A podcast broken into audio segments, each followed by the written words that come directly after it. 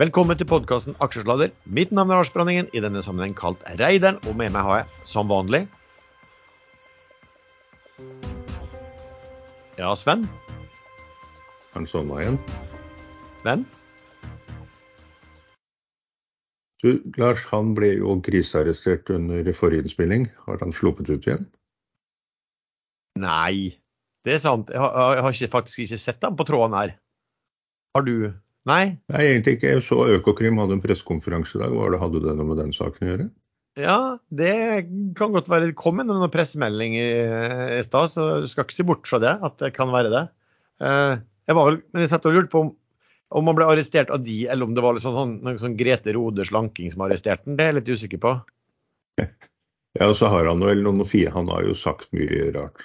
Han har jo fått jeg husker ikke helt, Hvem var det vi fant ut forrige gang at det kunne være? Det var sånn privat inkasso, sånn knuse kne-gjeng. Ja, ja. Ja, huff. Det er derfor han drømmer til Spania innimellom. Ja. ja så, sånn er det. Men du er her, og du er? Ja, jeg er eh, Jalla-kongen. Jeg har følt meg litt som Jalla-prinsen en lang periode, men nå begynner det faktisk å funke bra igjen. Så Erlend Henriksen. Eh, ja, og du kan ta vår disclaimer som vanlig? Ja, eh, dere må absolutt gjøre som dere tror vi sier, for da blir dere kjemperike og kan pensjonere dere tidlig. Ja. Eh, nei, det var faktisk feil. Det var motsatt. Ikke gjør som vi sier. Og vi er totalt uansvarlige. Det er vi jo. Vi gir ingen råd dersom du hører på hva vi sier om marked, aksjer, enkeltaksjer og livet for øvrig, er ansvaret helt og holdent ditt eget. Det kan forekomme feil i det vi sier i programmet, og panel og panelets gjester kan være lang, kort, direkte eller indirekte eksponert i aksjer, selskaper og produkter som omtales i programmet. Og vi gir altså ingen anbefalinger. Uh, ja, men vi kan starte med Det kom rett før vi startet denne sendingen, så kom det en, en melding fra, fra Økokrim. Erlend, hva, hva har de funnet ut nå? Jeg sveipet bare overskriften 'De åpner ikke sak mot uh, Sindre'. Uh, finnes, som han heter. Så Sindre finnes fremdeles. Uh, og da åpner de heller ikke sak mot Erna. Nei. Da har de nok gode grunner til det. og jeg er litt sånn i hodet mitt at når Økokrim avgjør noe, og når Høyesterett avgjør noe, så er den saken ferdig. Da skal man ikke sitte og mene masse rart om det. For det står bare jeg ser her, det står at de har sett på noen holdepunkter om det er for at han eh, Sindre, trader, stortrader Sindre, har fått innsideinformasjon eh, fra sin kone eller andre kilder, eller om det, og det holdepunkter for at han har utnyttet slik informasjon i sine investeringer. Og der eh, har de ikke funnet noen indikasjoner på det. Ikke sant. Hadde han, eh, la oss si det sånn, han har ikke tjent så mye at han han må jo være en usedvanlig dårlig trader hvis han ikke har klart å tjene på veldig god innsideinformasjon. Ja. Så det er de sikkert lettet over. Erlend, hva uken som har gått jeg skal ta si, altså Det har jo vært et veldig, veldig oppgang nå de aller siste dagene på, på børser rundt omkring. Jeg skal ta se akkurat nå på hvordan er med hovedindeksen den siste uken. Den er litt over 3 Oslo Børs Hovedex siste uke. Kommet seg godt solid tilbake etter en eh, litt trist periode. Eh, men hva har du holdt på med siste uken? Jeg har tredet eh, litt norsk og litt amerikansk, bl.a. Argeo. Hva heter de egentlig? Jeg husker bare tikkeren. De heter Argeo? De heter Argeo, ja. Jeg så en eh, børsmelding som jeg ikke har fått lest ennå, at de har hatt generalforsamling i dag. og Det var derfor jeg eh, hadde den kun en kort periode og solgte meg ut. fordi i dag ble det vedtatt, regner jeg med, at de kommer med 60 millioner nye aksjer i transje 2. Og Av det så er det noen private investorer som får noen av dem. Eh, de aksjene kommer neppe i dag. Det kommer litt an på hvor fort de får dette gjennom og hvor godt de har tilrettelagt alt, planlagt alt på forhånd. Eh, men jeg vil anta rundt tirsdag kommer de aksjene. Og Da er det alltid noen som selger, og da risikerer man jo at den faller under emisjonskursen, hvis, særlig hvis markedet er dårlig samtidig. Så eh, jeg liker selskapet, men jeg leser jo hva andre sier. At de, de har en lang historikk med å ikke holde hva de lover. Så jeg er litt sånn avventende. Du trader den, rett og slett? Ja. Eh, så har jeg eh, faktisk også Ja, det er mitt store sorg. Jeg har tredet Nodel. Jeg lå i Northern, Northern Drilling, er det ikke det det heter? Jo.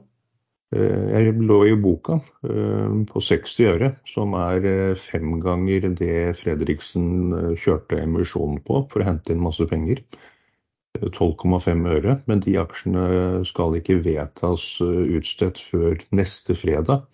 Og I sånne perioder så kan veldig mye skje, særlig i Fredriksens selskap. Veldig få frie aksjer, og han kan vel ikke selge, for han må få rette gjennom en generalforsamling om en uke. Og så tar det da noen dager før de aksjene også kommer. Så den kursen Jeg lå på, lå på 60 øre, og så fikk jeg 5192 aksjer. Og så slettet jeg posten.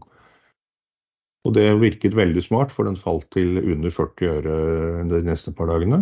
Og så stakk den. Akkurat nå er den på 2,14. Den har vært oppe i 2,60 i dag. 2,89 i går på det høyeste. Var det så høyt i går, ja? Ok. ja. Den, eh, jeg husker da Sidril eh, kjørte rekonstruksjonen. Da gikk Sidril-aksjen tolvgangeren eh, i løpet av de siste par ukene. Og Det som skjer, er jo det gamle, det er vakuumteorien min. Alle de intelligente aksjonærene er ute, alle de som kan selge er ute. Så er det alltid noen som ikke selger uansett. Uh, og da stakk kursen. Uh, gikk opp til 12,90, mener jeg å huske. Fra da tolvgangeren som må ha vært nede på under en krone eller rundt en krone. Men uansett, da begynte faktisk Fredriksen å selge. Eh, og det kom nok overraskende på mange. Så de som kjøpte på veien opp, og særlig de som kjøpte på 12,90, de fikk seg en eh, blåveis, en smertelig livslæring. Så sånne aksjer er livsfarlige. Ja, eh, men, men det overrasker deg vel sikkert ikke hvis jeg sier at jeg kjøpte litt i går. på 2,30. Så jeg ligger litt i minus akkurat nå, men det kan plutselig bli bra, det òg. Men altså, her er jo, her er jo Det er hyggelig å ha tilbake på disse her galskapene Fordi altså, den, den, lå jo da um, forrige eh, helg. Den, altså, den, den, var nede på 35 øre da på tirsdag. Dere. 35 øre. Så går den, og, og, og det er jo egentlig fundamentalt altfor høyt. Eh, ja, det er jo tre ganger det den eh, burde tre, ligge på. Tre ganger emisjonskursen som pågår. Så, så, bare det er jo helt vilt. Men den går altså fra 35 øre til 2,89. Den går, også, den går jo også 700 ja, eh, i løpet av eh, to dager. Ikke sant? Det er, grunnen er det kommer 320-30 millioner nye aksjer i den emisjonen. Eh, Fredriksen kommer da til å sitte på over 94% av selskapet, for han tok nesten hele emisjonen. Og i og med at han tok nesten hele, og andre også hadde rettigheter til å ta, så tyder det på at eh, de andre gadd ikke.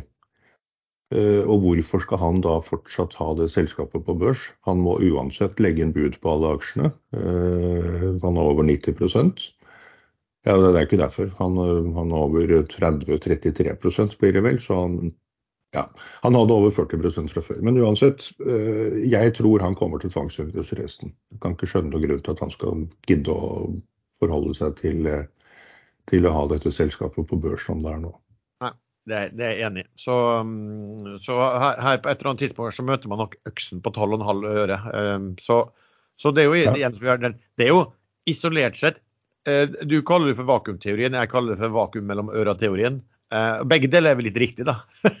Fordi den ene er, jo trading, og det jeg sier er vel at hvis du er så dum at du kjøper og holder, så, så, så er det jo mye bedre å gi pengene til en, en bra veldedig organisasjon. For at eh, de pengene kommer du selvfølgelig til å tape av masta på enhver som hvis kjøper. Man holder, ja. Hvis man Men hvis holder. man har litt flaks med inngang og utgang, så, så, så er det sinnssyke penger som ligger der. Ja, ja, ikke sant. For at en normal person vil tenke da på, på den på 35 øre. Hvilke galninger er det som kjøper kjøpe aksjen til 200% over emisjonskurs, og så går den sju ganger eh, eh, det, den kursen på, på um, to dager. Jeg regnet med at den ville dra høyt, men ikke så høyt. Og, og den lå og tradet uh, rundt 60-70 øre, helt ned til 35 øre mange dager før den stakk. Og det, det som skjer, er at uh, de som da drar sånne aksjer opp, de venter til de ser at sakspresset blir borte, for det er alltid noen som skal ut. Særlig når de får 60-70 øre for noe som har vært 12,5 øre. Mm. Men når det slutter, da kjører de. Da kjøper de store mengder, og så er det pump, eh, pump og pump, og masse dump innimellom. Men det er en hel uke igjen til en eh, sannsynligvis halvannen uke til disse aksjene kommer, så her kan fremdeles mye skje. Og ikke kom gråtende til noen av oss hvis man har tatt penger på det. Nei, dette er super high risk trading. Er, man, skal ikke, man, skal ikke, satse mer enn man har råd til å tape 100 for å si det sånn. Ja, galskap. Um, noe annet du spesielt gjort? Uh, ja, USA tredet litt uh, Nicolas, eller Nicola, jeg vet aldri egentlig hva det heter. Uh, og noe som heter ARDX, som faktisk er et veldig seriøst legemiddelselskap som har holdt på i en 10-12 år, og kursen har desimert seg. Men der har det snudd eh, voldsomt rundt. Eh, men jeg solgte meg ut av den i går eh, og avventer litt. Hovedsakelig fordi det skjer, skjer, så mye i verden nå. Plutselig så skjer det noe som gjør at børsen raser, og da faller alle aksjer uansett. Ja, OK. Skal vi se noe mm, Sist gang som fortalte jeg, så satt jeg vel i Spania og har nå kommet tilbake igjen til, til, i, til snø og sludd, i Norge. Men det er jo bare sånn det er. Ehm, skal vi se litt hva jeg har funnet på i uken uh, som gikk. Noe trading har det jo, har det jo, selvfølgelig, har det jo selvfølgelig vært.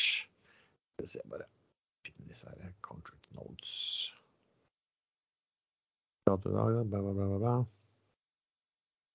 Uh, jo, jeg har tradet uh, Ørsted uh, med, ja, med, med eh, bruk, brukbart hell. Vi, jeg tror vi skal snakke om, litt om Ørsted litt senere. Jeg har også kjøpt den som heter Ifi. Så når du husker på den, så snakket vi om den for ganske lenge siden, når, de kom, når det var den verste AI-hypen og de hadde kommet en årsrapport som fortalte hvor, hvor Eh, hvor, hvordan de var posisjonert. Der, ligger, der, er det en emisjon nå på åtte kroner, som er garantert. Eh, men kursen falt ned på sju, så jeg kjøpte den rundt sju blank. Har også trada i BV Energy. Har redusert litt i Nekkar, men har jo kanskje en tredjedel eller en fjerdedel det jeg hadde. Har trada inn og ut av Norwegian. Den ble veldig bra. Jeg kjøpte den dagen før på, eh, på um, Det var vel ja, dagen før den skulle komme med, med resultat. Da var lån ja, rett over åtte, og vippa ut igjen den i går på rundt rett i underkant av ni. Men den er jo fortsatt oppe i dag, så, så, det skulle man jo bare holdt på. Men sant, sant, sant vet man jo ikke. ikke eh, har også kjøpt litt eh, Oddfjell i dag. Litt, reduserte litt i, i, går i Deep Value Driller. Eh, det er egentlig bare litt sånn ja, endring av eh, hva man har i porteføljen. Har fortsatt en, en god del igjen eh, av den. Og så har jeg kjøpt ja, en aksje til som er så, som er så drit at jeg tror ikke jeg skal nevne, den en gang. Um, skal vi se om det er noe annet spesielt her, da. Nei. Uh, ja, Goodtech kom med tall, og så falt den en del etter det. Og så kom det noe innsidekjøp. Så da uh, kjøpte jeg på det. Og så var det jo sånn at uh, Havila Kystruten kan vi nevne. der var det sånn at de, det var en båt der som hadde fått problemer med motor, gått til havn og måtte da fikse den motoren. Og passasjerene kunne de ta over på en av de tre andre båter. Men denne meldingen om at det var problemer med motor, det var lagt ut på nettsiden deres. Da var det en observant eh, medlem på Ekstrainvestor som posta det i HKY-kanalen der. At, og da er det litt sånn OK, better safe than sorry. Eh, hva, de har fått nye båter. Var det noen problemer med båtene generelt? For det var litt informasjon. Så da eh, smelte jeg ut eh, ca. halvparten av aksjene eh, den dagen. Når det kom, da, så begynte jo da, øh, da begynte jo øh, kursen å skli ganske mye. Var det fra 0,86 så var ned på 0,74 samme dag. Uh, og så, så, da kjøpte jeg den, en del av det tilbake igjen da senere samme dag. Ikke like mye. tilbake. Og så har den kommet her, ja, en del opp ennå når, når det kommer meldinger som kanskje tyder på at det ikke var så, så ille som man kanskje kunne, eh, kunne frykte. da.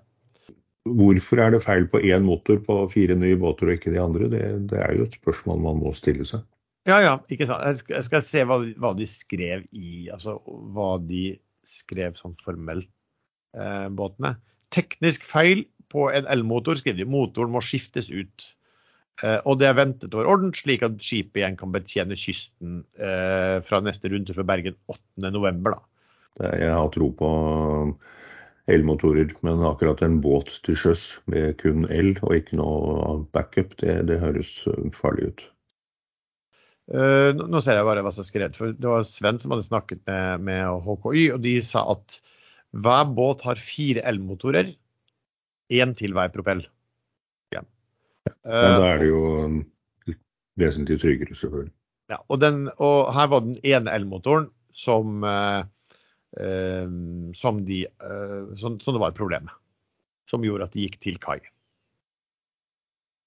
Så vi får bare se, da. Men det, ikke, altså det har jo gått mye galt i det, i det selskapet der, da, Havila Kystruten. Um, Eh, det som har kunnet gå galt, har historisk sett gått galt fra dem. sånn sett også. Så det var i hvert fall det første som slo meg var når jeg kom var at, det, at uh, OK. Men, men, jeg har jo mer enn halvparten av det hadde igjen fortsatt. da. Sven bruker jo være her og snakke om emisjoner. heldigvis så har det jo ikke vært så mange emisjoner denne uken. Faktisk har det vel vært ingen. Men vi har to på gang. Vi har en som heter Observe Medical, eh, som sier at de skal hente fortrinnsrettsemisjon.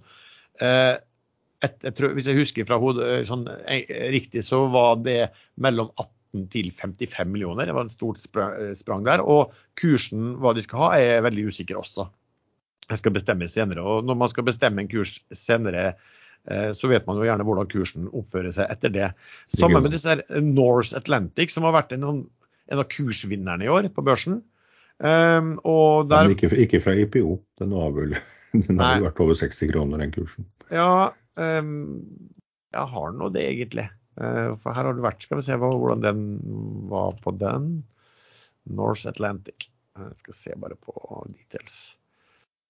Ja, den har vært på over 80 kroner. altså Den er ned 80% det det står på, på, på, to år. da. Men den har vært, eh, den er fortsatt altså etter å ha falt nå fra um, Den var på 18 over 18 kroner denne uken og har vært på over 20 kroner da, før i måneden. Uh, og så mm. plutselig, mot hva folk trodde, så fikk de et kapitalbehov likevel, et likviditetsbehov. Så de må hente inn en hel del penger og måtte varsle at de skulle hente inn penger. Og da begynte jo eh, kursen allerede da å eh, skli ganske kraftig. Falt eh, 18% på mm, onsdag, nye 15 i går og er ned et par prosent i dag. Og meldt nå at eh, de har fått eh, dekka emisjonen opp på kurs 11. Ja, Så, ligger kursen på 12,28. Eh, ja. Så der er det litt ned til emisjonskursen, men når kommer de aksjene? Nei, det, det, vet jeg egentlig ikke. Jeg bare så bare når, når, den, når den kom. Vi kan sjekke det bare når de kommer også, sånn for ordens skyld. Ligger det innenfor en allerede eksisterende emisjonsfullmakt, eller må de ha generalforsamling? Jeg skal se hva som står her. Um, de har pre-commitment på hele, på hele emisjonen. 501 millioner skal de hente, av det blir kurs 11. Um, og det, mm, den, den, skal stenges i dag klokken eh, fem. Det står at man får, får tildelingen i to transjer. Den første transje eh, baserer seg på um, styrefullmakten. og, og en andre eh, er basert eh, på at man må ha generalforsamling på det. Så da kan det bli litt morsom vakuumtrening der oppe. Det som forhindrer vakuumtrening, er eh, hvis antall nye aksjer ikke er så veldig høyt i forhold til dagens antall aksjer. Eh, for da er det såpass mange aktører som da vil bruke den tiden til å selge til de får nye aksjer. Jeg, jeg, tror det er to, to aktører her som skulle, skulle ta nesten var snakk om at de skulle ta 60% av, uh, Det tegna seg for 60% av uh, emisjonen. Ja, det stemmer. Men det er vel som garantister, eller har de Nei, allerede det står at de har pre-committed å å tegne seg for 150 millioner hver. Det er Scorpio Holdings, som hadde kjøpt seg opp i lang tid. De Og så er da? Ja, og så er det BT Larsen og co. Det er vel han, det er vel han toppsjefen, faktisk. Det er ikke sånn. Og de skal begge altså de tar 60% og de skal begge ta fra den transje 2, da, så de kan vente. Så, så da, det betyr at de andre som tegner seg, vil da i større grad da få transje 1, altså få, få aksjer tilgjengelig veldig fort. Og skal vi se um, ja, og, og settlement av de, den første transjen antas skje rundt 8. november. Det er jo settlement-betaling, da. Så er det jo, må det jo det registreres også, disse, eh, disse aksjene. Men eh, ja, skal vi tippe på slutten av neste uke at da er de transje 1 klar til eh, salg. Ja. Men det er jo fristende å være litt stygg, da. For dette gjorde Nors forrige gang de kjørte en emisjon. Og de meldte den i forkant, så kursen raste. Eh, og så kommer da de store gutta og sikrer seg en stor del av emisjonen. Uh, og de, de er jo selvfølgelig tjent med at kursen er lavest mulig. Skal vi se hvor mye de eier, de to til sammen. Begge de to, Scorpio og BT Holdings, eier 20 hver eh, i dag. Eh, og begge to skal tegne seg for 30% av emisjonen, hver av en av de. Det vil si at begge to øker sin, tar, eh, øker sin andel. Så ja, du kan, jo, du kan jo spekulere i det, da. Men klart, sånn som disse Scorpio har vel kjøpt, kjørt den kursen ganske kraftig. Og de som har kjørt den kraftig opp via kjøp på børs, da. Eh, men, men det er klart, hvis du, hvis du er storaksjonær og da har du jo en, en, du har jo et insentiv til å få lavest mulig kurs, selvfølgelig, hvis du skal få tegna deg for mye mer enn hva du allerede i dag eh, eier, da. Ja, selvfølgelig.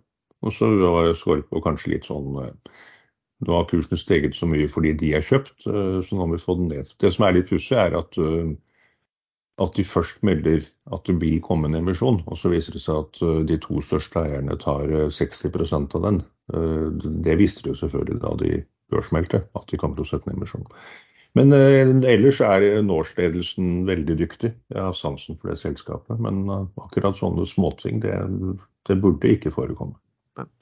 En annen som kommer også, det er jo Norconsult.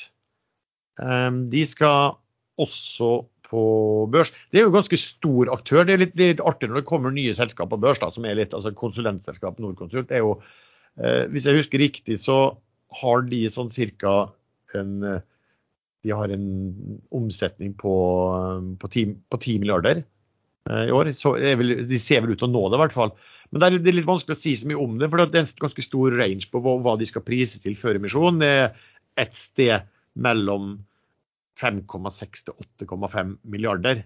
Så rangen her er jo ganske stor. Jeg tror jeg så på, basert på tall eh, Hvis du regner om første halvår i år til et helt år, så tror jeg fant at eh, en sånn EV-EBITA-tall bør ligge mellom underkant av 8 og underkant av 12. Altså på 8 da på den laveste rangen og 12 på den øverste. Eh, og, og da har de jo en god, bra resultatøkning. Men eh, jeg er litt tvilende til at jeg skal delta på den, fordi det, altså, de, dette er selskap som har gjort det veldig bra, som har vokst veldig pent. Men Q2 var faktisk eh, viste ikke noe vekst, eh, nedgang. Og de varsla vel om at Q3, eh, sånn som det indikerte der, så vil også det bli litt dårligere. Og jeg ser også eh, Multiconsult har vel også fått kutta noen kursmål rundt omkring som en, en, en konkurrent her, som en litt, litt mindre konkurrent. Eh, og, eh, og kommentarene rundt, eh, rundt på Multicol var vel liksom at de, man ser nå i dette markedet at de ulike aktørene har svakere resultatutvikling. De eh, får marginsvekkelse nå pga. økte kostnader. Så, Det er ikke bare det, det er jo også markedet har jo eh, forsvunnet litt, deler av det. Eh, Store byggeprosjekter er utsatt eller lagt på is. Det er eh, byggestopp eh, i hele Oslo, Asker og Bærum-området i hvert fall. Eh, Effektiv byggestopp. Så det, Nord Nord- mye er inntekts... Nordkonsern de har også broer. Trebroer har de. Ja, Men de, men, det, er jo, det er jo stor utenlands også, men det er jo ikke noen fantastisk konjunktur uansett i, i, i Norden og i, i eh, Europa. Altså, jeg vet jo at de har vel gode, alle disse her har vel ganske gode eh, ordremasse. Dette hadde vel Multiconsult også, som betyr at de kan, de kan ja, tjene bra i en periode. Men det er klart, hvis det blir dårlige tider, så vil jo den etter hvert som du, du leverer det du har fått ordre på fra gode tider, så vil jo den ordreinngangen og da inntektene kunne svekkes i framtiden. Så jeg, jeg er litt sånn tvilende til at ok, det, at de nå, det har vært snakk om at de skulle på børs lenge, og nå går de på børs, og, og da begynner man, det er akkurat da man begynner å se, um, se svakere tall. Um, Er det, kjører du inn i trykker du opp nye aksjer, eller er det dagens eiere som selger seg ned? Jeg tror det er mye i stor grad dagens eiere som selger seg ned. Eh, og det er vel i stor grad eid også masse ansatte der, så det virker sånn ganske sånn at, alle må, må selge seg ned. Alle må selge seg ned en del for å helt tatt kunne få, få dette selskapet på børs? Så jeg synes liksom på, på de tallene jeg ser, så ser det ut som et helt greit selskap å eie eh, hvis eh, resultatutviklingen hadde vært eh, flat. Ikke sant? Eh, I hvert fall i nedre del av rangen. Da. Men uh, man skal som sagt være litt uh, Jeg kan ikke det markedet, men jeg ba- jeg bare registrerte at jeg så noen svakheter i hvert fall i de siste eh, tallene fra, fra selskapet, og, og, og ser at man skriver om det samme for Multiconsult og den type der. Jeg kjenner en som jobber litt høyt oppe i Multiconsult, og den personen uh, sa at eh, Norconsult er et veldig godt drevet selskap. Så, men timingen er jo i forhold til markedet og at, eh, at dagens eiere selger seg en del ned. Det, man må jo hensynta det også. Hvorfor gjør de det? Ja, det er vel for å De har snakket om en stund at de, at de vil på børs. da. Men eh, jeg syns vi skal være veldig glad for å få den type liksom, litt store, tunge aktører eh, på børs. Da. da har jo gjerne vært ganske tynne mange tynne selskap som har kommet på børs da, med, med liten, liten interesse. Her kan det kanskje komme noe som er, blir, blir en del mer interessant og litt mer volum Absolutt. Du, da skal vi snakke litt om um, selskap som ikke er så bra. Fordi um, børsen, Oslo Børs har jo nå funnet ut at de har erklært et selskap for non grata. Um, og det er dette som heter Univid. Det Som het eh, DLTX, og før det Element, og før det Intex. som vi har snakket ganske mye om, og ikke alltid like positive ordlag i, i her. Det har vært veldig vanskelig å finne noe positivt til det selskapet, siden, siden det fant ut at den nikkelressursen på Filippinene var det vel øh, var umulig å få igangsatt. Ja, nye ideer, nytt persongalleri. Kursen har gått opp og ned og opp og ned, men eh, over tid eh, soleklart mest ned. Altså, de, da, det kom melding fra børsen, som børsen sier at de er innstilt på å skal kaste de ut eh, fra børsen. Eh, Undervid sier at de da Å nei, det skjønte vi ingenting av. Um, vi trodde bla, bla, bla. Men så er det jo kommet et, et brev som ligger ute da fra børsen. Du har, du har kikka på hva er det liksom børsen nå motiverer én utkastelse med, og altså generelt da, og spesielt for Univid? Ja, det brevet er jo 16 sider langt tettskrevet fra børsen, eh, som forklarer eh, grunnen til at de ble kastet ut, og tilbakeviser påstandene om at dette må ha kommet overraskende på ledelsen i Univid. Eh, De fikk varsel tilbake i april etter at eh, selskapet i interne transaksjoner solgte ut hele innmaten. Eh, eh, Avgjørelsen som ble tatt i løpet av en helg, og det ble heller ikke innkalt til generalforsamling for å vedta dette her. Og de begrunnet det med at kjøperen av innmaten eh, hadde tilgodehavner i selskapet i form av lån osv. som mer enn oppveide det som ble tatt ut. Så det er kan i hvert fall si det sånn da, at her er det mye grums som eh, ikke tåler dagens lys, og sånn har det vært i det selskapet i 18 år. Men sånn, det- men, men ja. sånn spesifikt, altså på, på eh, Hva er det børsen sier om altså Foruten all historikk og, og hva det gjør. Men hva, hva, er det liksom teknisk som gjør at børsen ja, det, de, det, børsen sier, er at uh, selskap skal for det første ha allmenn interesse. Det skal være uh, aktørene i markedet, dvs. Si du og jeg og andre, store og små, skal vite hva de kjøper. Og det vet man ikke med dette selskapet, for de har ikke noe innmat. Så selskapet argumenterte argumentert med at de jobber med å få inn ny innmat, men det har de jobbet med da siden april. Og så skylder de på at det var sommerferie og bla, bla. Eh, men børsen mener at de har gitt dem lang nok frist. Eh, og hvis de får inn ny innmat, så må du uansett kjøre en komplett due og oppfylle alle krav til eh, størrelse og verdi på innmaten og market cap på selskapet etterpå, antall aksjonærer osv. Eh, og de har advart selskapet. De, selskapet påstår at dette er noe selskapet har tradisjon for. Altså Dagens Univid var det LTX med helt annen innmat, og før det Element med igjen en annen innmat, og før det Intex med noe helt annet. Så selskapet mener at det er formildende at de har eh, byttet innmat før, og børsen mener at det ikke er formildende, tvert imot. Så, men, ja. Men ut ifra det du leser, altså du som har lest gjennom brevet, eh, ville, tro, tror du at børsen hadde kasta de ut eh, Nå kan jo de anke den avgjørelsen, men tror du børsen hadde kasta de ut hvis det ikke hadde vært andre ting om oppførselen til styre, ledelse, informasjonspolitikken ellers som de hadde vært åpenbart kraftig irritert på?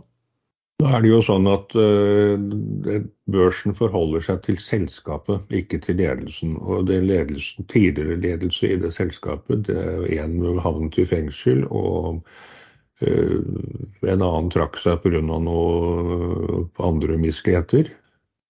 Det var vel da det et element, og de har blitt advart før, og de har fått børsbot før for uh, manglende informasjon eller mangelhaft informasjon uh, om innsideforhold som skulle vært børsmeldt, og ble ikke meldt eller feilmeldt. Så den historikken henger igjen på selskapet. Om dagens ledelse er en helt annen, uh, det spiller ingen rolle. Det er sånn reglene er. Man kan ikke bytte et styre og ledelsen og så tro at man går fri fra gammel grums. Så børsen bruker historikken mot selskapet, men selskapet mener at, eh, at det burde være motsatt. Også når jeg ser liksom på folk som sitter i, i, ledelsen og styret, jeg så også litt i brevet sto også at de kritiserte dem veldig i forhold til regnskap og sånn. Altså det, liksom, det, virker jo helt klovne. Eh, tilsynelatende skulle man tro, hvis man ser litt på bakgrunnen til de som sitter i styret, skulle tro at det var folk som hadde hodet på rett sted. Men altså, når man leser hva, hvordan børsen framstiller det sånn, så, så, så, så framstår jo de som ja, særdeles eh, nesten, altså undermåls når det gjelder på, på, på regnskap og informasjon eh, sånn generelt sett. Også, og om det da ja, Jeg skal ikke ja. Nei, Vi må passe oss for ikke å bli saksøkt her, men på den annen side det er podkasten som blir saksøkt, så det er du som ryker. Eh, det var sånn det var, ja. Men uh, ut ifra det, altså nå har vi snakket om dem. Men det må jo da være andre som også ligger i faresonen, da, ut ifra altså Hvis du skal ta børsen, hva de eh, skriver liksom spesifikt som et, et utkastelsesgrunnlag? Ja, mangler eh, innmat. De som handler papiret i markedet, de vet ikke hva de kjøper. Ja, er eller at det ikke er noe vanlig drift der. Ja, ikke sant. Eh, da har vi jo eh, et godt gammelt shippingselskap som har gått litt fram og tilbake til forskjellige eiere. Eh, hva heter det igjen? OT, nei. Ocean Team, ja. ja. Ja, altså Det er jo et selskap De solgte jo alt ut i desember Nei, jeg tror det var, det var november eller desember i fjor. altså Nå er det snart et år siden. Da solgte de sine siste. Og etter det så har de vel egentlig bare sagt at de har tenkt å gjøre noe nytt. De prøvde vel én gang, men det var jo lenge siden det også. Så var det feilslått, det også. Så det er også sånn selskap som, som har noe cash. Eh, de har vel noe fremførbart underskudd, eh, men de har ikke hatt noe virksomhet på aldri så, så lang tid. Så jeg satt og tenkte på Det har vel ikke alltid vært eh, gull og grønne skoger der heller på en del ting, men, men litt i, i, forhold til hva børsen sier, så virker det jo nesten som ja, den, den, type aktører burde jo være, være, moden. Et annet selskap jeg kan nevne, da, som er, det er jo litt, bare litt morsomt, Astrokast For den er også nevnt der å kunne trade inn og få av og til noen voldsomme spikes. Altså, jeg så på det, for at eh, Børsen har jo sånn penalty bench når man ikke har gjort det man skulle gjøre. Og eh, Astrokast har vært på penalty bench siden eh, juni i 2003, så det begynner å bli snart I 2002? Nei, Nei, nei 2003, så snart seks måneder på penalty bench, da. Ja, Da må Men- man i hvert fall si 2023, da. Ja, det er riktig. uh, men Astrokast, altså de bare så sist, De har ikke levert tall på omtrent ett år. For de har ikke levert eh, eh, De skulle levere årsregnskapet sitt. Eh, og Det var derfor de havna på, på den penaltyen i eh, juni. For at de måtte levere årsregnskap for 2022. Og det er ennå ikke levert. Nå kom det vel melding og sa at de skal levere årsregnskapet sitt eh, i slutten av november. da. Så, og dette er jo et selskap De har jo nesten ikke omsetning, ikke sant. Eh, og, ehm, og du bruker et år på å få ferdig eh, årsregnskapet, og du har ikke hørt tall fra de på tolv måneder. Eh, jeg skjønner jo at de er notert det greit at de er notert på Euronext Growth, altså der det er litt andre ting, men, men det er også litt sånn Altså ærlig talt, det, det, ja, nei, det, det er sånn det er. Altså, sånn som eh, Univid da, og Ocean Team, de er jo notert på vanlig liste. Ja, Det er hovedlisten, og der er det jo strenge krav. Ja, der er det strengere krav. Det er ikke sånn at hvis man eh, er på hovedlisten og antall aksjonærer blir færre enn minstekravet eller market cap faller for langt, eller kursen faller under en krone og er der for lenge, så blir man ikke automatisk kastet ut fra Oslo Børs. Det, det må være tungtveiende grunner, og det mener børsen at de har funnet i Univid. Ja. De oppfyller faktisk ingen av kravene til å være notert på hovedlisten, og har heller ikke noe innmat. prestasjoner. Men det, det, er jo, det er jo ikke riktig at de har- ikke har noe innmat. De, har noe eier, de har jo faktisk noen eierandeler i, i 7, 8, 9, 10 selskap, men det er vel bare to av de er litt tunge, da. Men det er jo en annen sak. Um, du, um, din julekule i fjor Husker du- Ørsted? Ørsted, ja. Ja, det var var den jeg ble eh, tvingt til å, kjøre, å ha som julekule, som de sier på Innlandet. Tvunget til av deg, fordi jeg sa at jeg har jeg melder pass, sa jeg. Ja, det gjør du. Men eh, nå og, og da er det jo sånn at den må jo vel begynne nå å bli aktuell som en julekule i år, da. For den er jo ned 55 eh, etter å ha falt kraftig 15 eh, siste uke. Har du fulgt med på hva som har skjedd der? Nei, De har jo kommet med profit warning, og det er jo særlig vindbransjen til havs, som, eller på, land også, som sliter nå. Eh, Innsatsfaktorene for å lage vindmøller har blitt mye eh, dyrere. Og nå lager vel ikke Ørsted egne vindmøller, så vidt jeg husker, men de kjøper fra andre. Eh, Så kostnaden de har på innkjøp, gjør at de ikke klarer å se at de kan tjene penger på å bygge disse vindfarmene. Særlig i USA har det vel vært eh, minst én, kanskje flere, eh, hvor de har ligget i forhandlinger lenge med amerikanske myndigheter om å få økt eh, tilskudd og bedre rammevilkår, uten å ha fått gode nok tilbud. Så der har de da meldt at de stopper planene om i hvert fall én, eller jeg tror det er flere av disse vindfarmene. Så, men sånn i mitt hode så er renewable-bransjen er ganske ny, og man må regne med sånne ting. Prissvingninger og problemer i markedet og lokal motstand og andre ting. Det er særlig lokal motstand det har gått på i USA, hvor de har blitt saksøkt, og sånne prosesser kan ta mange år, og så blir ting kostbart. Eh, Men det er ikke bare Ørsted som har droppet planer, det er jo Equinor og flere andre store som har, har droppet, eller truer med å droppe, eller har lagt ting på is. Ja, Spesielt i USA, ikke sant? Så jeg tror det markedet vil komme tilbake. Eh, Hvis ikke så ryker hele grønne skiftet. Eh, Da, da er det bare å sette en strek over det, og det, det vil ikke skje. Men så spørs det fra hvilken kurs Ørsted kommer tilbake. Nå er den på 2,75, nå er den nede i 2,20 gått ned på 2,20-tallet i går.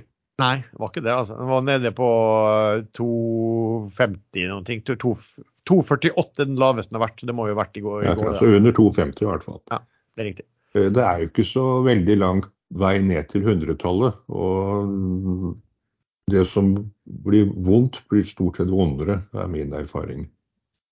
Jeg så, jeg så når den kom, for jeg har jo aldri sett på de, de tallene noe særlig før. Uh, og det som da var litt sånn Altså, det er vel nå at nå skriver de vel ned omtrent 40 milliarder uh, danske kroner. og Det er vel 60 milliarder norske. Og det er for at de går ut av større prosjekt. og De, de har jo bestilt ting på de prosjektene. De har betalt fis på de prosjektene, forplikta seg til de og de tingene på de prosjektene. Mm. Um, og de forplikter seg også til å betale bruddgebyr. Ja da, og de har, de har, de har liksom leid inn båter. Jeg mener at de hadde, skulle leie noe fra noen av båtene til Bonheur bl.a. Som de må betale på det. Det blir mye penger da. Det, nå vet du jo aldri selvfølgelig om, om det, det, blir jo et visst press her da, på myndigheter som har Eh, jeg så bare han som var guvernør i New Jersey som var veldig sint. Da, for han hadde liksom lagt stor vekt på det, dette politisk, at eh, nå skulle man bygge ut liksom vindkraft utenfor der. Det er, det, er, nok noe av grunnen til at Ørsted også går så tungt ut og sier at de har avlyst det, fordi de vil legge press på myndighetene. Ja, det, Så det er jo den, den ene, altså, er at ting blir dyrere. Det er det ene. altså Det er stor inflasjon i hele varekjeden der. Ting, kraftig inflasjon. Eh, også, men så er det jo også renten. For at Når de, de, kalkulerer verdiene på disse her, ikke sant? det er veldig stor forskjell på å regne en nåverdi på prosjektet på når eh, rentenivået på 2% kontra når det er på eh, 5 ikke sant? Det, det sier jo seg sjøl at da blir det mye, mye eh, lavere. Eh, og det, Ørsted har, altså det som Ørsted har her, er et, de, er veldig opptatt av at de skal ha Eh, billige lån og at de skal betale utbytte. og Derfor har de en, en målsetting om hvilken kredittrating de skal ha. Eh, og Det er jo den som står i fare, og, og de ligger over på en del sånn måltall som de skal ha nå. Så, så de, de, sånn, de, sier veldig klart fra at liksom, vi skal tilbake dit. Så sier de at de har ikke noen aktive planer om emisjon. Men de vet jo hvordan det er. Ordet av de er veldig klønete. Ja, ikke sant. Da begynner alle å tenke på at det, det, da kommer det emisjon. Altså, jeg var jo inne og kjøpte det mm, på den, for den falt jo kraftig på starten av dagen. Så var den gikk inn i 269 var jeg inne og kjøpte på. Og så eh, gikk den opp over nesten Den toucha vel 290, tror jeg, eh, samme dag. Det så jo veldig bra ut. Og så skulle de ha en conference call. Og så, så husker jeg tenkte liksom at OK, Eh, de kommer sikkert til å være veldig bastant på at de ikke skal gjøre emisjon, og kanskje de klarer det. Men eh, når jeg begynte å høre på den conference callen, så så man jo at analytikerne var ganske aggressive og sure. For det er vel sikkert mange av de som har hatt så De har falt kraftig, og det har vært litt sånn yndling blant analytikere også, så de har sikkert hatt, eh, anbefalt det til kundene sine. Og så kommer det plutselig bare altså ene hver gang de rapporterer, så er det enda større tap på ting. Så de er ganske aggressive, og spesielt på, på, med henhold til emisjon. Behov for det. Uh, og da begynte kursen å skli en del, uh, så da solgte jeg meg ut. Det ble, ja, ble noen fine kroner på det, men på langt nær så fint som det hadde blitt hvis jeg hadde permanent før conference callen. Og så falt den jo da kraftig videre fra starten uh, i, i går. Eh, men kom da kraftig tilbake igjen. Og ja, som sagt, den toucha i går var på 2,48 på det laveste. Slutta på 2,75, og det er der den ligger i dag. Da. Jeg tok jo med en titt på de Ørsted-tallene når det kom, for å se om jeg skulle gå inn på det. Så Det som var interessant der, var vel egentlig at hvis du så på den vanlige driften de har, altså det, det de har av, av vindkrafttilganger som produserer og tjener penger, så, så, var det ikke så ille. Altså, så da på Hvis du da så på en eh, Enterprise Value, hva selskapet ble priset til pluss den netto rentebærende gjelden, så var de priset en EV EBIT-A, altså ikke DA, men A. Som, som, er nærmest Jeg ville bruke det som er nærmest vanlig driftsresultat. Priset til ca. ti ganger på det. Det er jo ikke noe sånn stivt i hele tatt på en gigant innenfor uh, fornybart. Eh, spørsmålet er jo da om det er opprettholdbart. og så da blir folk redd for at det de holder på å forplikte seg til å investere i, ikke skal bli like eh, profitabelt. Og så er det akkurat det med at de har en målsetting om en kredittrating. Altså hadde de ikke hatt den målsettingen der, så kunne man tenkt seg at kursen akkurat i dag har vært eh, høyere.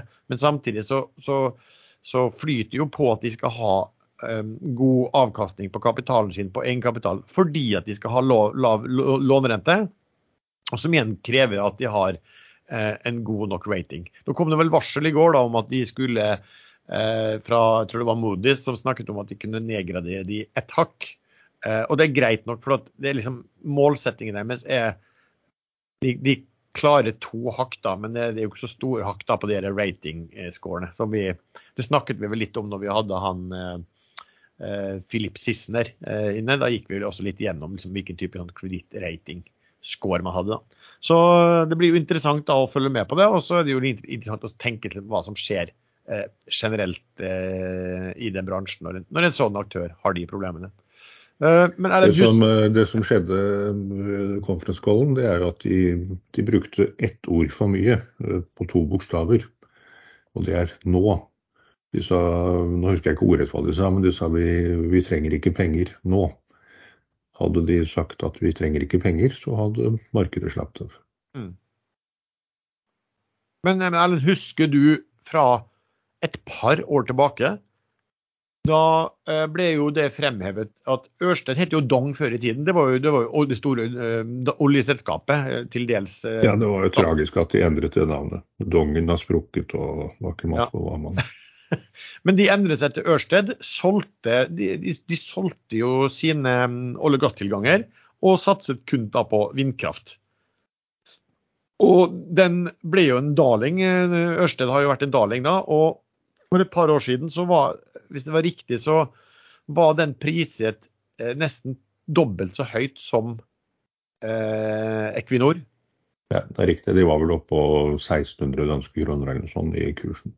Ja, og det var jo også den gangen var det slik at det var en del som tok til orde for at Equinor burde gjøre det samme. Det er ikke sant. hva hadde skjedd da, Erlend? I dag? Hva hadde man sagt i dag? Nei, da hadde, da hadde, man sagt at det var bra Equinor gjorde det samme, for da økte man investeringene i renewables og kuttet ut alle disse på sikt feilinvesteringene i fossilindustri, og da hadde alt gått mye fortere. Nei, jeg er ikke så naiv at jeg tror det selv. Nei, fordi... Men det er klart det henger sammen. at eh, Så lenge man fortsetter å investere masse penger i fossil, så blir det mindre penger til renewables. Men vi, vi, er faktisk fullstendig avhengig av uh, olje og gass ganske lenge ennå. Uansett hva vi gjør. I, I, dag da, så er jo da Equinor er vel prisa sånn ca. nesten seks ganger høyere enn Ørsted. Tenk på hvordan det, er, det der har snudd noe helt, uh, noe, noe helt enormt. Uh, Men det som skjer da når prisene på råvarer stiger så mye at uh, at eh, disse selskapene slutter å kjøpe dem. Eh, da vil jo prisene på råvarer falle igjen. Så dette er en helt vanlig sirkel i alle økonomier. Og det har også vært sånn i oljebransjen før, at det har vært for dyrt å satse og for lav oljepris. Så, ja. man, man, vet, man, vet, ikke om framtiden, men mitt, mitt, poeng er vel kanskje også at av og til så vil inntjening eh, nå igjen eh, fundamentalt at hvis du er litt darling i en periode, altså du, du må liksom ja, ha, ha inntjeningen til, til, å opprettholde den uh, verdien. og Det, det samme gjelder vel ja, på, for, for, Equinor også, som, som, kanskje den gangen var lavt. Men det, det, er råvare, ikke sant? så det er så vanskelig å si. Det er lett å sitte og si sånne ting i ettertid. Ja, veldig. Men det som er eh, sånn sett positivt, er jo at oljekursen såpass høy som den er. For det vil jo gjøre det mer lønnsomt eller mindre ulønnsomt å investere i renewables. Så hvis oljeprisen faller til 40 dollar eller 20 dollar og blir der lenge, så, så blir det jo bråstopp igjen. Da vil ikke, ingen vil investere penger i renewables da. En annen uh, renewable som akkurat nå går veldig på børsen, er jo Aker Horizons. Opp 12 i dag. Den har jo vært en katastrofal uh, Den er ned nesten 70 hittil i år men er altså opp 12 eh, i dag. De, de, kom jo med tall i går, og det var ikke noe i tallene der som skulle egentlig berolige eller, eller uroe. Det har blitt en pump og en dump-aksje hvor den kursen dras opp 10-15-40 eh, og så dumpes den ned 10-20-40 rett etterpå. I dag er det fredag, og det er eh, veldig vanlig i dag at det pumpes i aksjer. Og så dumpes det ordentlig på mandag. Bare sånn for å advare om det. Men det som er interessant her, altså, er, det, jeg har snakket om det før, den er jo sånn at uh, du kan regne på verdien på uh, Aker Carbon Capture, så har de også den der gamle Aker Clean Hydrogen som de tok inn igjen i eget selskap og, og har en eller annen verdi. Og så har de dette Mainstream. Og uh, hva Mainstream er jo under restrukturering, eller i hvert fall de, de, de interessante delene der. Og så um, er det jo slik at eh, Altså det som var veldig spesielt, da. For de um, har jo en, eh, oppgir jo en Nav som er langt, langt over Eh, verdien til uh, hva selskapet prises til i uh, aksjemarkedet. Så det er det ingen som tror på. Jeg lurer på, hva Naven var på over 10 milliarder, og den prises til under 3 i aksjemarkedet. Det som er veldig spesielt, er at de skriver at i starten av oktober, vel, så ble det i prinsipp inngått avtale med långiverne om hvordan liksom, gjeld og selskapet skal altså den, hva skulle den Eh, det finansielle skal restruktureres. Eh, og i henhold til den navn som de selv har, så utgjør dette mainstream, som de eier 50, 58% av, det er 75% av navn i selskapet. Eh, som også restruktureres. Det som er utrolig merkelig, er at hvis långiverne har inngått en avtale med under visse vilkår, da, i prinsipp, og man antar at dette skal på plass helt endelig nå i denne måneden, Hvorfor oppgir man ikke da hvilken vilkår som gjelder? Altså 75% av verdiene i selskapet står på hva dette her kan bli. Eh, og du sier at det er en enighet, altså långiverne har i prinsipp blitt enige om en deal med deg, men du vil ikke fortelle hva dealen går ut på. Jeg syns det er veldig det, det er veldig kredittverdig. Men det er mulig at de har sine, uh, sine grunner til det. Uh, det som kan bli sånn Eh, litt spennende der, er jo hvordan blir da Det må jo skytes inn ny kapital i dette mainstream, og hva, hva blir da den prisen på det? Her er det vel en todelt eh, eller Hvis du tenker litt strategisk på det fra Røkke Aker, så er det jo sånn at eh, de har kommet inn på en viss pris. Og så fikk de senere inn dette Mitsui, som er vel, det er ikke det koreanske eller det japanske, det husker jeg ikke helt. Men de betalte en betydelig høyere pris.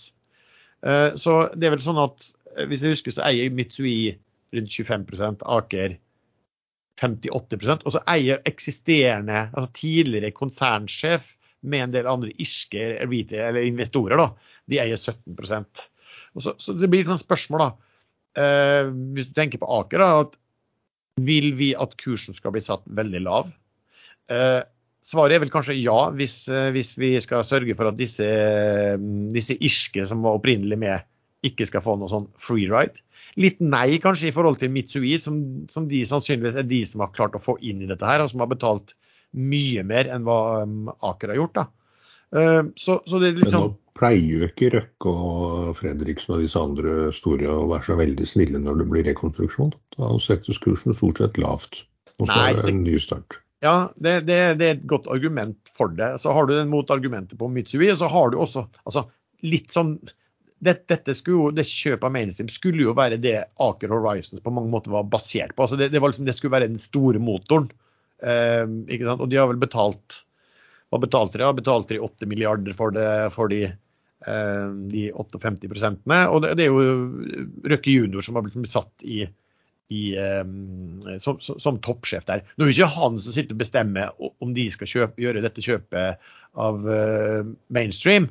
Eh, der har jo selvfølgelig alle vært med på, og de har jo vært en del uheldige der. Igjen, du kan sitte i ettertid og, og, og karakterisere eh, et kjøp, men du må faktisk tenke på hvordan ting så ut um, den gangen. Men, men, det kan jo også være da at, uh, ja, at Røkke senior vil ønske å gi et visst sånn omdømme eh, hjelp da, til, eh, til, junior også, selv om jeg ikke ser for meg, selv om jeg syns det ville vil, være rart hvis hvis, hvis en blame skulle bli gitt til junior. Det måtte i så fall kanskje være journalister som, som gjør det. Så det, det, blir interessant å se. da, og det, det, Jeg føler at det, det kan gå um, det der kan gå uh, begge veier. Jeg har sett kommentarer fra meglerhus som sier at de tviler på at det er noe særlig verdi i mainstream i det hele tatt uh, ved restruktureringen, fordi at de har så mye gjeld.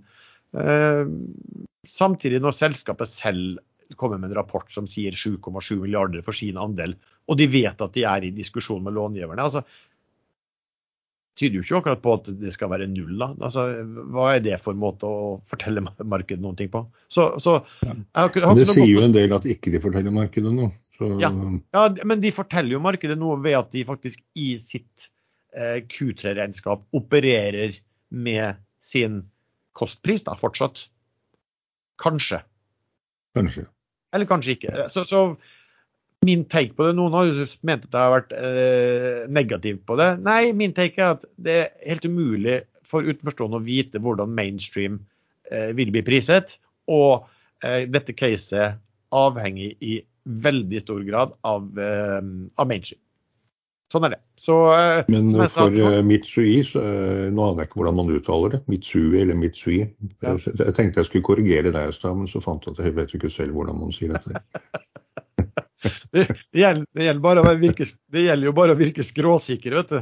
Ja, ikke sant. Så jeg burde bare sagt at det er feil, og så sagt han motsatt. Men, men, uansett, eh, at de kom inn på en høy kurs, er jo ikke noe argument for at ikke de selv nå kan ønske en lavest mulig kurs. Nei da, det, det, det, er sant. Og jeg vil jo tro kanskje at de to aktørene også tenker vel kanskje at disse irske, som kanskje ikke har de pengene til å bli med, eh, hvorfor skal vi gi dem en free ride på ting. Du vet, det, du vet jo hvordan det fungerer. 20% av selskapet eier av noen som du kanskje ikke har noe forhold til, og kanskje du syns at de har oversolgt litt ting inn. Og oi, nå må penger inn. Jeg har ikke råd. OK, du, det er ikke sikkert at de er så snille da. Vi får se. Vi får se.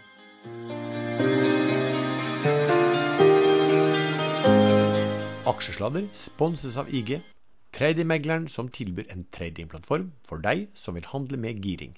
Vi snakker ofte om makro- og renteendringer her på aksjeladder, men visste du at du enkelt kan ta posisjoner på IG basert på om du tror renten på statsobligasjoner vil stige eller øke?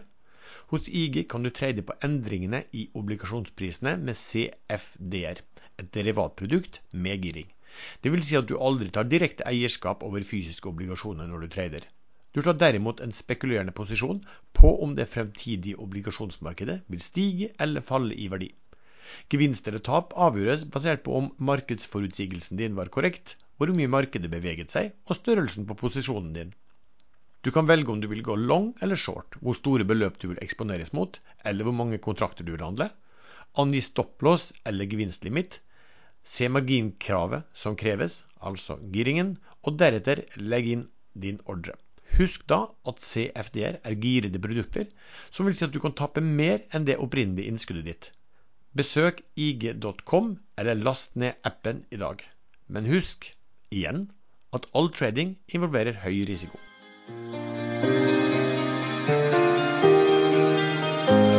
Eh, hvis du ikke har noe spesielt annet du vil snakke om, Erlend, så kan vi jo ta om du har noen eh, kommende ukes favoritt, eller er det noe obs? Nei, Jeg vil avslutte fortest mulig. Jeg skal på Rakfiskfestivalen i eh, Fagernes og blir snart hentet. Så lytterne må bare utskylde. Eh, noen, noen, ganger er andre ting viktigere. Det var eh, egentlig litt fleip. Men uh, obs, ja. Jeg har faktisk disse Nodel-aksjene ennå. Det er ikke så veldig mange, men det er litt sånn hevntreds fordi jeg ikke fikk være med på den første. Det vil si jeg, jeg hadde da 5192 aksjer som jeg hadde kjøpt på 60 øre i snitt eller fått på 60 øre. Og så solgte jeg de på 1,40 dagen etter. Så jeg tjente godt over 100% på de. 620, det er jo 150% nesten. Og det finansierte første kvelden på Rakfiskfestivalen. Med kun så få aksjer. Så det var litt synd at jeg ikke beholdt de 100, fikk de 150 og holdt de til 280, da. Men, men. Sånn shit happens. Så der er en hemtredd på gang, og jeg tror den kan kanskje fortsette ut neste uke. Men den kan også begynne å dumpes ned allerede i dag, eller veldig tidlig neste uke. Så dette er high risk. Så ingenting å anbefale for noen andre enn de som er eh, lobotomerte og hjernedøde. Um, og så snakket vi om denne Univid eh, før i dag, uh, tidligere sendingen, som er uh, unnskyld uttrykket, søppel fra ende til annen, eh, som børsen har vedtatt at skal strykes. Eh, men Eh, for det første kan selskapet anke. Eh, om det har oppsettende virkningen på strykningen, det vet jeg faktisk ikke. Vet du det? Jo, altså De kan jo ikke stryke dem før en anke er behandla. Nei, det skal veldig mye til. Det kan jeg nesten ikke tro. Men selv, selv om selskapet ikke skulle anke, og det mot formodning ikke har oppsettende virkning, så er det først 11.12., som er siste dag den aksjen kan tredes. I dag har vi 3.11.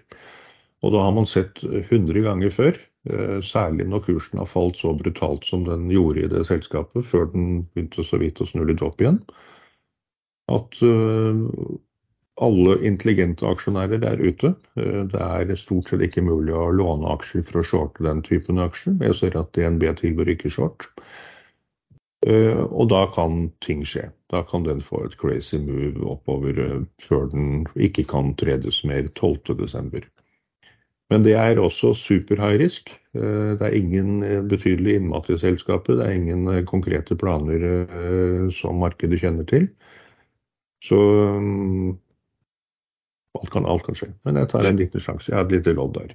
Er det ikke litt morsomt? Vi har, vi har brukt tidligere i sendingen snakket om et selskap som er Eh, totale crap, og jeg har også kjøpt. Nei, men børsen er børsen. Eh, I mitt hode så kan alt som er notert på børsen, eh, trades. Og så lenge selskapet har aksjer som man kan kjøpe eller selge, så, så, er det bare å trade på det som fungerer i markedet, og det er fundamentale forhold.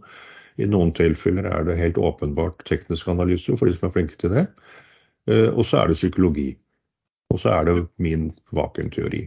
Ja, for du, du, kjøper dem ofte litt sånn annerledes eh, grunn til at jeg kjøpte også dem, det vil der ligge noe rundt 25 eh, øre per stykk. Jeg bare så på det. det ene jeg tenkte på var at ok, disse kommer ut og anker. Kanskje det finnes en eller annen liten mulighet for at de, de vinner fram anken. Um, for de mente jo at de, var, de stod, var nære ved å inngå en eller annen intensjonsavtale med sammengående med noen andre. Det er lett å si.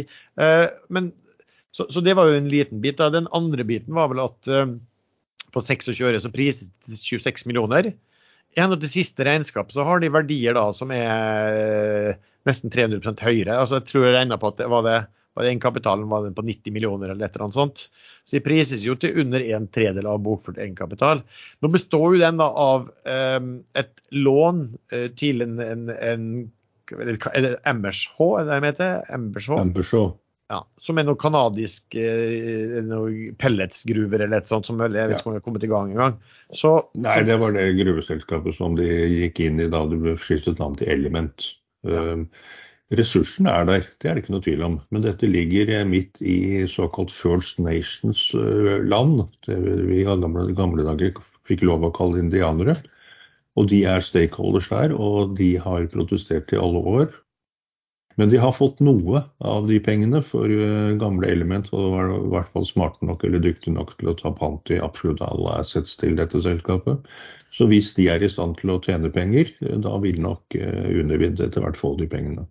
Ja, det er det ene. Og det andre de eier, er, er, vel, er vel altså mm, aksjer i noe som heter Rodium. Um, som er en sånn kryptoaktør i USA, som visstnok var snakk om at den skulle gå på børs via et annet selskap i, USA nå. Men men jeg tror ikke det ble noe av.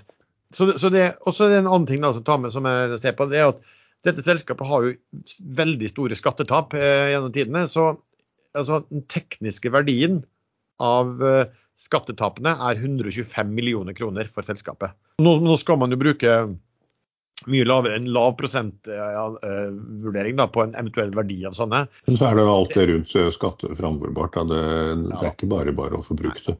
For å bare så være klar på det. Den, den, den veldig liten del av min portefølje. Den er eh, langt fra 1 Den er 0, et eller annet av min portefølje. Um, så, um, så strengt tatt så skal man holde seg unna dette her. Er litt sånn her, dette det, kanskje er det et bra bet på eh, disse nivåene.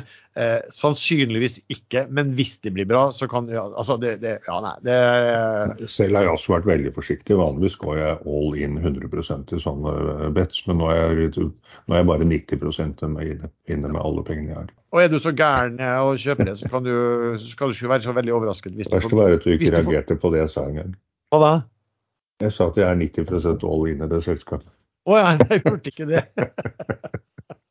jeg er ikke det. Nei. Og for, for, min del, så hvis du så folk som er så gærne og, kjøper dette, her, så, så bør de overhodet ikke være overrasket hvis de får eh, mine aksjer i, i, hodet. Men det vi kanskje burde advare mot, er at uh, det, jeg, det jeg selv liker med å være med i aksjesladder, og det er grunnen til at jeg er med, det er at vi advarer mot risiko. Eh, det finnes andre aktører der ute som kommer til å hause dette undervidd som et fantastisk mulighet. og Det ligger masse verdier der og framførbart underskudd.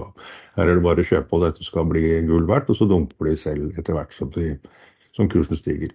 Yep. Så bare vær helt klar over dette er et crazy bet på noe som høyst sannsynlig er verdt veldig, veldig lite. Har du noen flere, Erlend?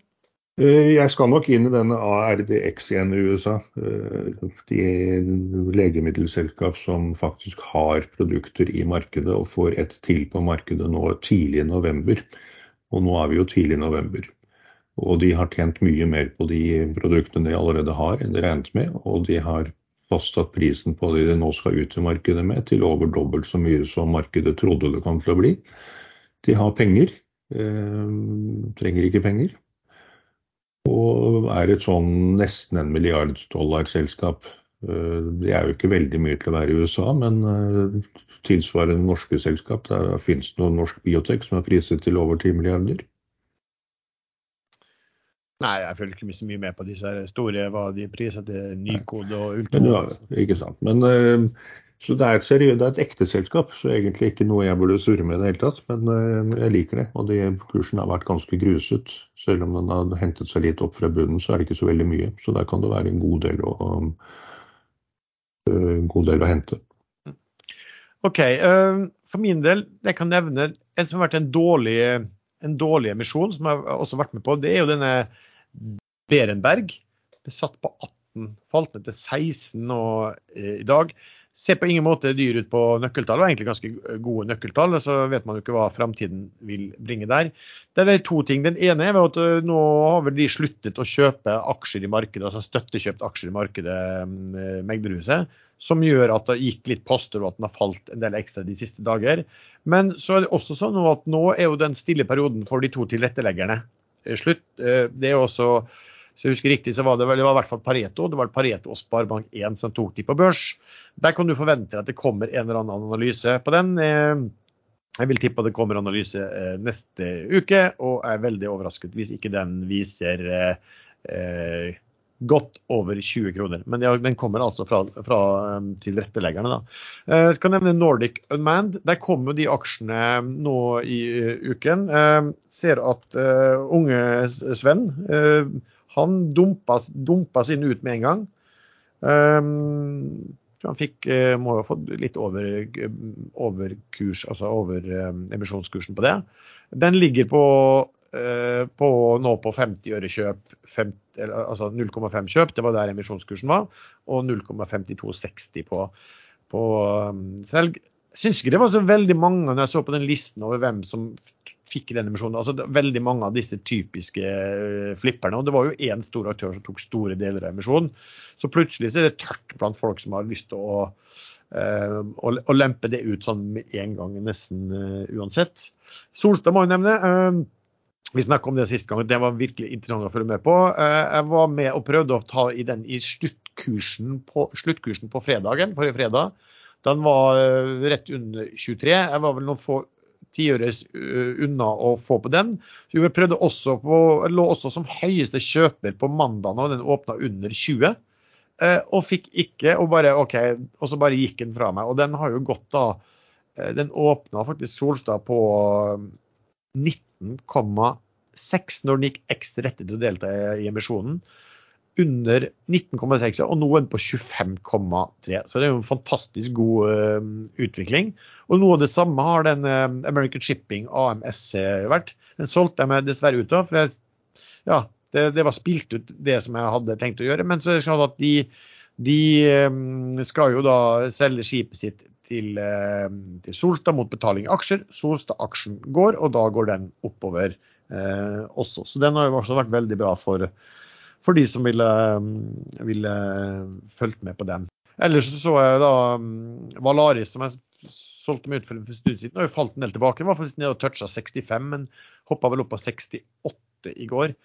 Begynner å bli fristende å få en, en litt sånn større riggposisjon igjen. Og da er det jo gjerne den type aktører som du som er såpass store da, at hvis du vil selge, så, så kan du fort komme deg ut igjen. For oljeprisen er jo også veldig jeg synes den er veldig uh, volatil og usikker. Og, og igjen, da, det, er så, det er så mye av det som skjer sånn, politisk sett og i Midtøsten som, som vil påvirke den, uh, den på, på, på, veldig kort varsel.